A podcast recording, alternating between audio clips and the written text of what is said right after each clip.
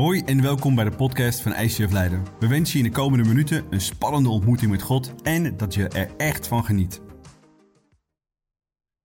Ja, vandaag is eigenlijk de grande finale van de serie Kingdom Come. En uh, ja, wat is het Koninkrijk van God? Dat is een van de hoofdthema's waar Jezus over sprak. En vandaag sluiten we deze serie af. Jammer. Nou, als je hem hebt gemist, ga dan zeker terugkijken op YouTube of luister de podcast terug op Spotify of welk ander platform dan ook. En vandaag is het topic: wat komt er uit mijn mond? En dan is de roeping. En dan is de vraag: ja, wat is dan mijn roeping? Wat is mijn identiteit? Wat maakt mij zo speciaal, zo bijzonder? En misschien weet je wel wat jou speciaal en bijzonder maakt. En daar hebben we het de afgelopen tijd over gehad in deze serie. En er kunnen enkele dingen zijn die jou speciaal maken, waarvan je zou zeggen: ja, dat ben ik. Dat maakt wie ik ben. En het interessante is eigenlijk dat als je iemand vraagt: maar wie ben je nou eigenlijk? Dat je dan vaak het antwoord krijgt: ja, ik ben een arts. Ik ben een zorgmedewerker. Ik ben postbode. Mensen stellen zich vaak voor met het beroep wat zij daarnaast uitoefenen. Ze benadrukken vaak wat ze doen.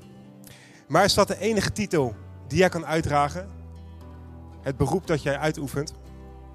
Of kan je tegelijkertijd ook nog andere titels aannemen? Nou, dat kan zeker, want daar hebben we de afgelopen tijd over gehad. Namelijk, we keken naar het beeld hoe God spreekt over dat we zonen zijn van Hem. We hebben het beeld dat God spreekt dat we priesters zijn. Dat God spreekt dat we een koning zijn. En vandaag gaan we kijken naar hoe wij een boodschapper van God kunnen zijn. Dus ga er lekker voor zitten, want we gaan beginnen. Yes. En ik wil beginnen met een, een Bijbeltekst uit 2 Korinthe 5 vers 20. We zijn boodschappers van Christus. God doet door ons een beroep op u. Wij smeken u namens Christus. Laat het in orde komen tussen God en u. Dus wij zijn dus boodschappers. Maar misschien denk je, ja, wat houdt dat dan in? Nou, denk dan maar eens aan het woord een ambassadeur. En je ziet wel vaker dat bekende Nederlanders ambassadeurs zijn. Nou, hier bijvoorbeeld Jochem Meijer, ook nog eens een, een leidenaar. Ambassadeur van het Wereld Natuurfonds. Maar hier hebben we een Nederlandse ambassadeur in het Verenigd Koninkrijk. Karel van Oosterom. Kennen jullie hem? Nou ja, sinds vandaag dus wel. Ik ken hem ook nog helemaal niet. Maar hij is een ambassadeur in het Verenigd Koninkrijk. En wat is dan de betekenis van een ambassadeur? Nou, de ambassadeur vertegenwoordigt zijn staatshoofd en zijn regering in het buitenland. En het is een eer wanneer jij je land mag vertegenwoordigen. En laten we er vandaag induiken. Wat dat betekent dat wij boodschappers zijn voor de regering van het koninkrijk van God. Zoals we in de hele serie ook kijken naar hoe kan het koninkrijk van God hier op aarde steeds meer zichtbaar worden door wat wij doen. Zodat we pas, zodat we het niet pas in de hemel ervaren, zodat de mensen om ons heen het niet pas in de hemel ervaren, maar hier op aarde ook kunnen ervaren. En voordat we uh, daarbij verder gaan, wil ik eerst met jullie bidden. Want iedere keer als we weer iets nieuws ontdekken, kan het zorgen voor een bepaalde reactie. En misschien zitten hier mensen en die horen alles aan. En het voelt voor hun als verplichting. Nou, laten zo meteen bidden dat het niet gaat gebeuren. Of misschien zitten er hier mensen die alles aanhoren, bij wie het ene oor ingaat en het andere oor weer uitgaat. Laten zo meteen bidden dat hetgene wat God jou vandaag laat zien, wil laten weten, dat je dat serieus neemt. En dat je mag verwachten dat daar een verandering in zit. Jezus, dank u wel dat u vandaag spreekt, Heilige Geest. Maak onze harten open. Spreek tot ons. Laat zien hoe u ons ziet. Laat ons zien wat onze roeping is, wat onze identiteit is als boodschapper. Heilige Geest, laat ons zien hoe u ons door uw kracht laat ontwikkelen als ambassadeurs. En alles wat we vandaag horen, laat dat echt diep wortelen in ons hart. Zodat we een ambassadeur kunnen zijn voor uw koninkrijk. Amen. Yes.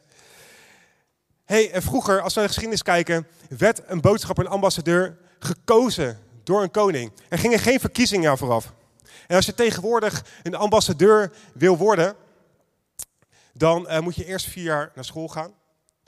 En na die vier jaar is er ook nog eens een kwalificatie of een, ja, hoe moet je dat noemen? Uh, een selectie van drie maanden die er dan af vooraf gaat. Maar jij en ik kunnen boodschappers, ambassadeurs worden van God. Hoe? Door te zeggen, Jezus, hier is mijn leven.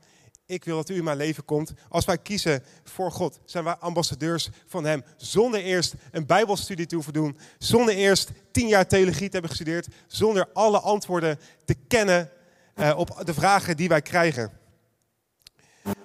En de woorden van een ambassadeur zijn dezelfde als die van de regering van het uitzendende land.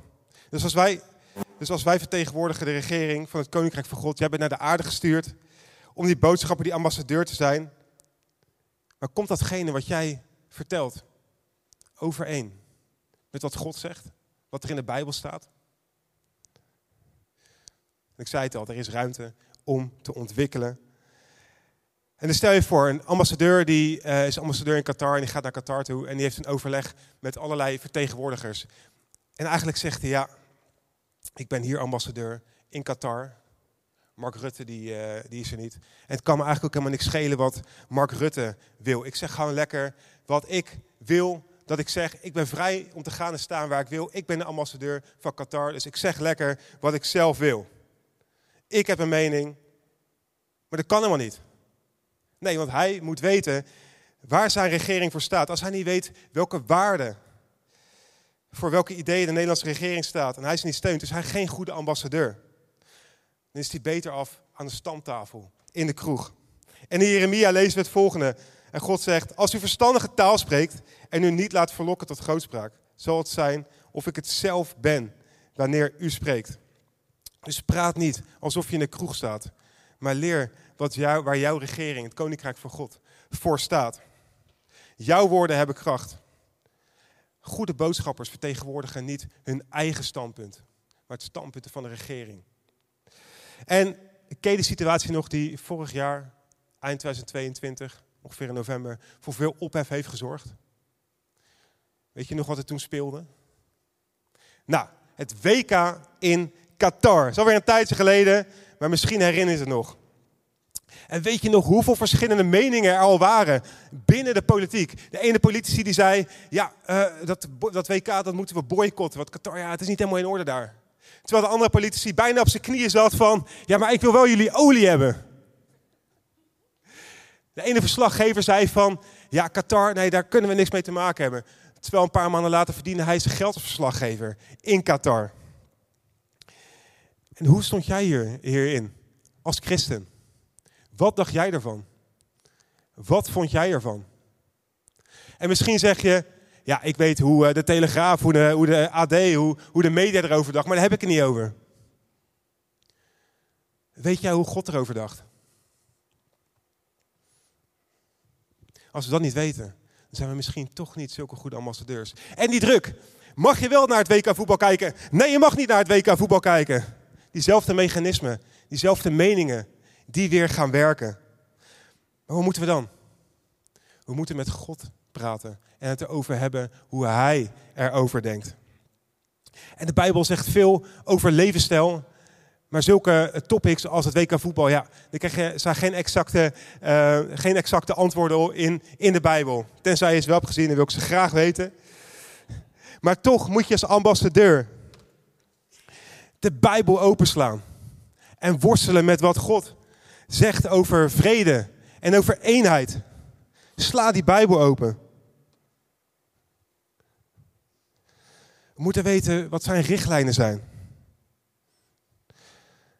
Als ambassadeur moet je duidelijkheid geven aan jouw omgeving en niet meegaan in al die meningen. Weet wat God erover zegt en versterk de situatie met zijn mening.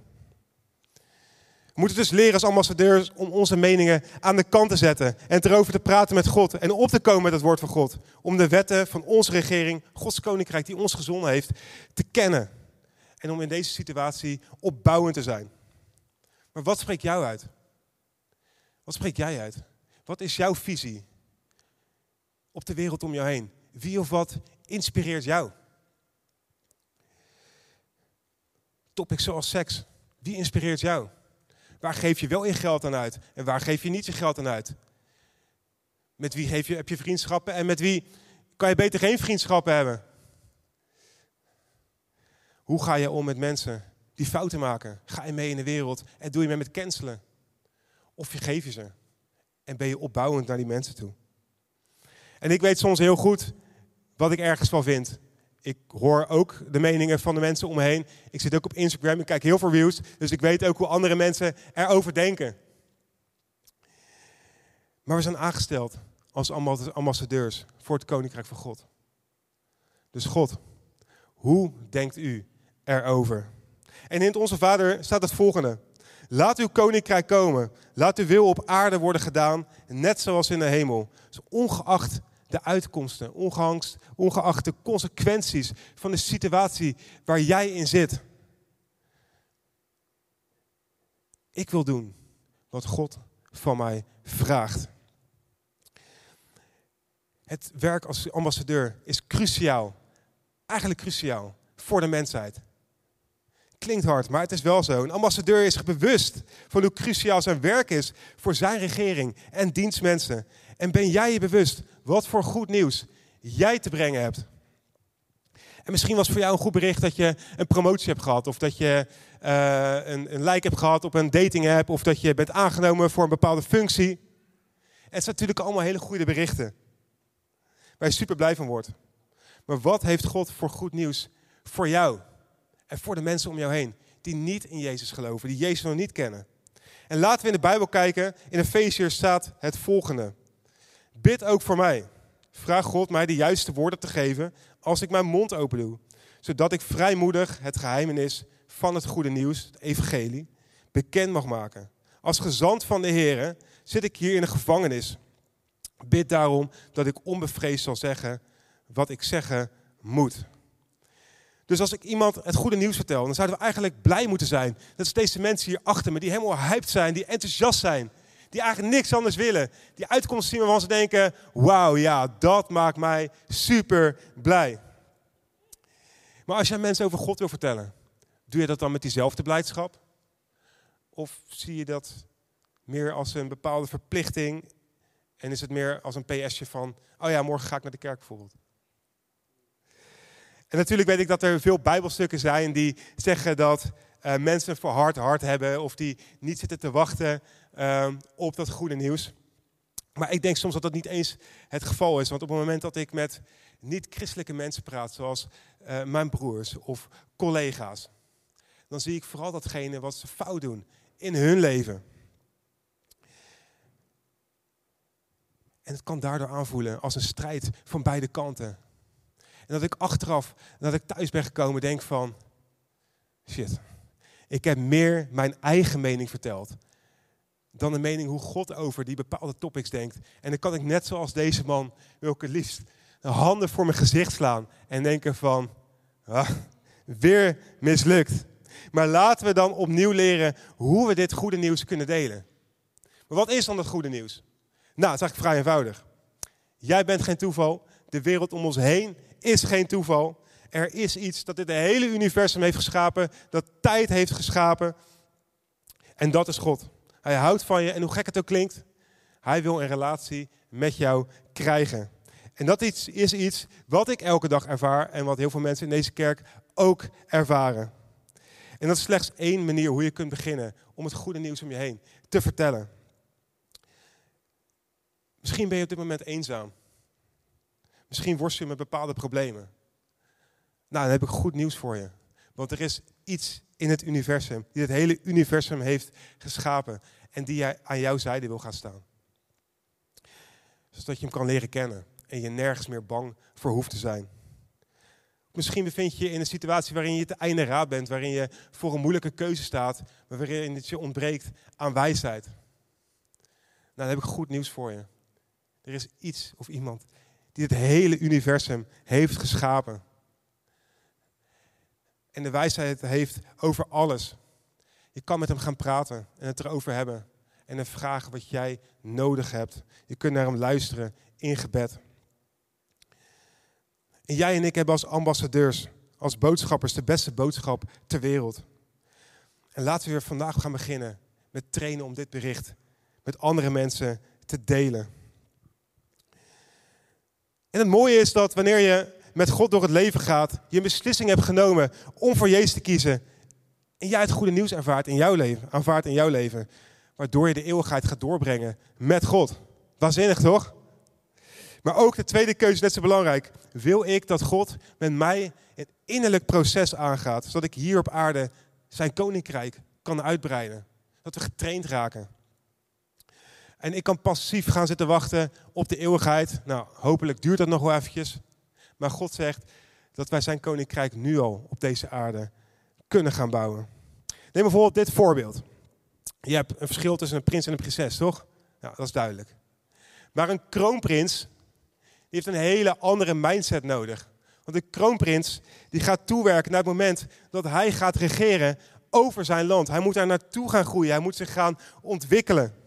En laten we diezelfde mindset hebben, net zoals die kroonprins. En proactief bouwen aan zijn koninkrijk hier in deze fantastische stad.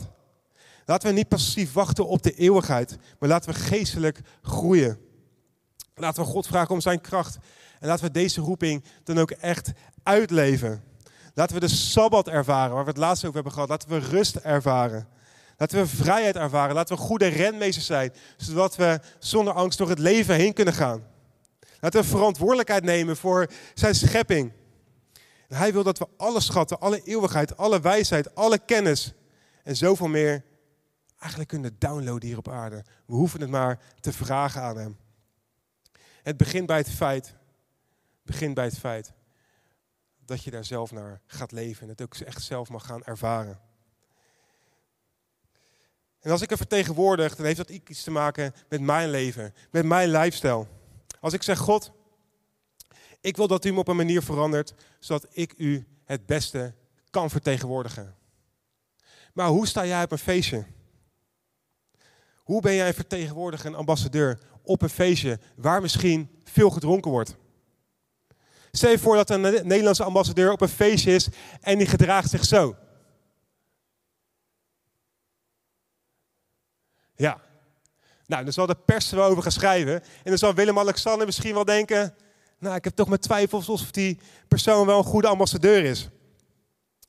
Ik denk dat we hier een algemeen punt moeten maken. Want wij zijn het koninkrijk van God. Wat wil jij laten zien aan de mensen om je heen? Wie Jezus is. Laten we mensen verliefd worden op Jezus door wie wij zijn? Of doen we dingen die eigenlijk helemaal niet horen in het koninkrijk van God? Gaan we mee met hoe de, mensen, hoe de wereld met mensen omgaat? Gaan we mee in roddels op werk? Doen we mee met cancelen als mensen fouten maken? Of doe je vooral wat ik belangrijk vind en waar ik me goed bij voel? Maar als jij de volgende keuze maakt, niet mijn wil, maar u wil, Jezus. Ik wil dat u de baas bent over alle gebieden van mijn leven. En ik wil me aan uw richtlijnen hebben. Wat is dan het volgende wat je moet doen? Eén, heb God lief, maar heb ook je naaste lief. Als ambassadeur van God kan je laten zien aan de mensen om jou heen wat Jezus liefde teweeg brengt. Zodat ze dat kunnen gaan proeven en uiteindelijk ook verliefd kunnen gaan worden op Hem. In Spreuk staat het volgende. Een goddeloze bode vervalt in het kwaad. Maar een betrouwbare gezant betekent genezing. En jij en ik kunnen elke keer aan Gods koninkrijk bouwen door middel van naaste liefde. Door die ene collega die soms lastig is, om van die persoon te houden. Die ene vriend die misschien weer heeft afgezegd, van hem te houden, mensen te vergeven, in mensen te investeren. En de ambassadeur wordt door zijn regering verzorgd en beschermd ambassadeur krijgt wat hij nodig heeft van zijn regering om zijn land te vertegenwoordigen en zijn werk te kunnen uitoefenen. En zo is het ook met ons als ambassadeurs van God. God zorgt voor je, hij wil jouw voorziener zijn. Daar hebben we de afgelopen weken ook naar gekeken. En de ambassadeur is onschendbaar. Oftewel, hij is onafhankelijk en hoeft niet bang te zijn voor de consequenties. En het kan ver gaan. En jij staat in zijn bescherming. Als iemand jou aanvalt als boodschapper van God, wie valt diegene dan aan? Stel je voor dat jij de ambassadeur van Amerika vermoordt. Niet doen, maar stel je voor dat je hem vermoordt. Met wie heb jij dan een conflict? Ja, met Amerika. Met de regering van Amerika. En niet in de eerste plaats met de familie van die ambassadeur. Dus als je een lastig gesprek in gaat, als je morgen weer naar je werk gaat, als je ergens tegenop ziet, vraag God, om zijn bescherming. Jij bent zijn ambassadeur. En de ambassadeur kan zijn werk alleen goed uitvoeren als hij in verbinding staat met zijn regering. En zo is dat ook met ons. Als ambassadeurs van God moeten wij in verbinding staan met God. Als het ware als een telefoon, dat we in één keer, hup, die lijnen we met de Heilige Geest. Moeten verbonden zijn met God, zodat we niet meer uit hoeven te gaan van onze eigen kracht, maar zijn kracht mogen ervaren. En misschien zit je momenteel in een periode dat je bewust bent dat je moeite hebt met allerlei verleidingen die plaatsvinden in jouw leven. Merk je dat het niet lukt om mee te dealen door middel van je eigen kracht. En Jezus zegt in Matthäus het volgende. De geest is gewillig, maar het vlees is zwak. Vraag de Heilige Geest om zelfbeheersing. Het is een van de vruchten van de Heilige Geest, zelfbeheersing. En jij kan het erom vragen. Jij kan jezelf trainen in die zelfbeheersing, om daar sterker in te gaan staan. En misschien gebruik je de worship of iets anders hier tijdens deze, celebration om weer in verbinding te komen met God. Misschien heb je net bepaalde woorden uitgezongen, uitgesproken, die zorgen voor heling in jouw hart.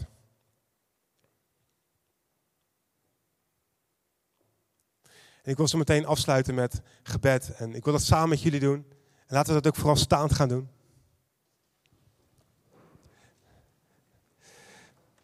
En misschien ken je Jezus toch niet. Misschien ehm, heb je nog nooit van hem gehoord. Of uh, ja, voelt het allemaal nog raar. Bid dan vooral met mij mee. Jezus, dank u wel voor wie u bent. Dank u wel dat u voor mij daar aan dat kruis bent gegaan. Dank u wel dat er door uw dood een connectie is met God. Dat we bij hem kunnen komen. Dank u wel dat we ambassadeurs mogen zijn voor, voor u. En Heilige Geest, het voelt allemaal nog een beetje vreemd. En ik snap ook nog niet helemaal wat er allemaal is gezegd en wat het betekent om bij u te horen. Maar ik wil u vragen om met mijn hart te komen. Om te laten zien wie ik ben door u. Ik wil uw blijdschap, uw vrede en vrijheid gaan ervaren als ik morgen naar mijn werk ga, als ik zo meteen die deur uit ga. Ik maak vandaag een keuze voor u. Heilige Geest, ik heb u de afgelopen tijd misschien minder ruimte gegeven dan normaal. Maar vanaf vandaag wil ik zeggen, kom weer in mijn leven. Vul me met uw geest. Ik wil uw koninkrijk bouwen hier op aarde. Ik wil me aan uw wil houden. Ik wil me daar dagelijks mee bezig gaan houden. Dank u wel dat ik bij u mag horen. Dank u wel dat ik enthousiast mag zijn over u. Met de mensen om me heen. Ik wil het niet meer zien als een verplichting. Ik wil luisteren naar wat u te zeggen heeft tegen mij. En ik wil dat de mensen om mij heen gaan proeven hoe u bent. Dat ze verliefd mogen worden op u. Net zoals dat ik verliefd ben geworden op u. Jezus, bedankt.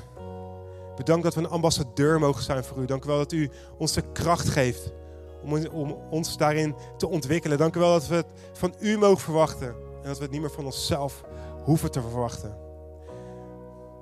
Dank u wel voor wie u bent. Dank u wel dat we uw woord, het goede nieuws, mogen verkondigen hier in deze waanzinnige stad Leiden. Amen.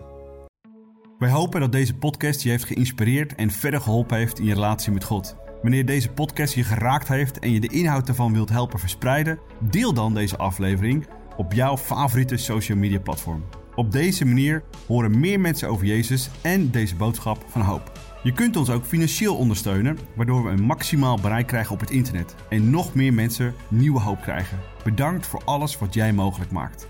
We geloven dat kerk een familie is, dus of je nu live erbij bent of online meeluistert, we willen jou graag persoonlijk leren kennen. Als we jou persoonlijk verder kunnen helpen, dan horen we dat graag. Check voor info en meer mogelijkheden op onze website. Fijne dag.